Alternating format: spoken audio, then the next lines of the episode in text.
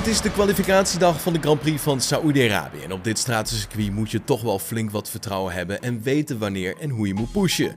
Weinig ruimte voor een foutje. En het meest indrukwekkende wat we gisteren hebben geleerd van de vrije trainingen is toch wel ja, dat die Aston Martin er lekker bij zit in de top. Nou, benieuwd wat we vandaag allemaal gaan zien van de kwalificatie. Eerst is er nog tijd voor de derde vrije training om half drie. Kwalificatie is dan om zes. En de race begint morgen, de Grand Prix van Saoedi-Arabië, om zes uur in de avond. Max Verstappen die arriveerde een dagje later dan normaal in Jeddah. De Nederlander had last van maagklachten en moest daardoor de donderdag aan zich voorbij laten gaan.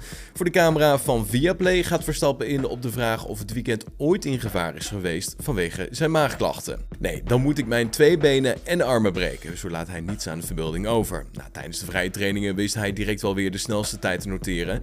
Helmut Marco, de adviseur van Red Bull Racing, laat tegenover ORF weten dat Verstappen nog wel flink heeft gezweet, omdat hij dus ook een zware griep had. Maar Marco heeft er alle vertrouwen in dat hij zondag topfit zal zijn.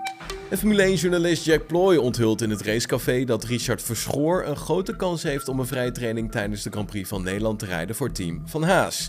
De Formule 2-coureur is daar een vaste tafelgast bij het racecafé en Ploy heeft in zijn tijd in het paddock goede banden opgebouwd met de teambaas Van Haas.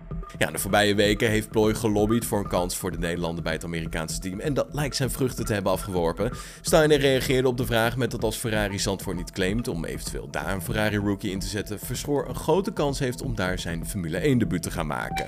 En Frans Tost, teambaas van Nick de Vries, heeft verklaard dat hij zijn engineers niet meer vertrouwt na een teleurstellende start van het seizoen.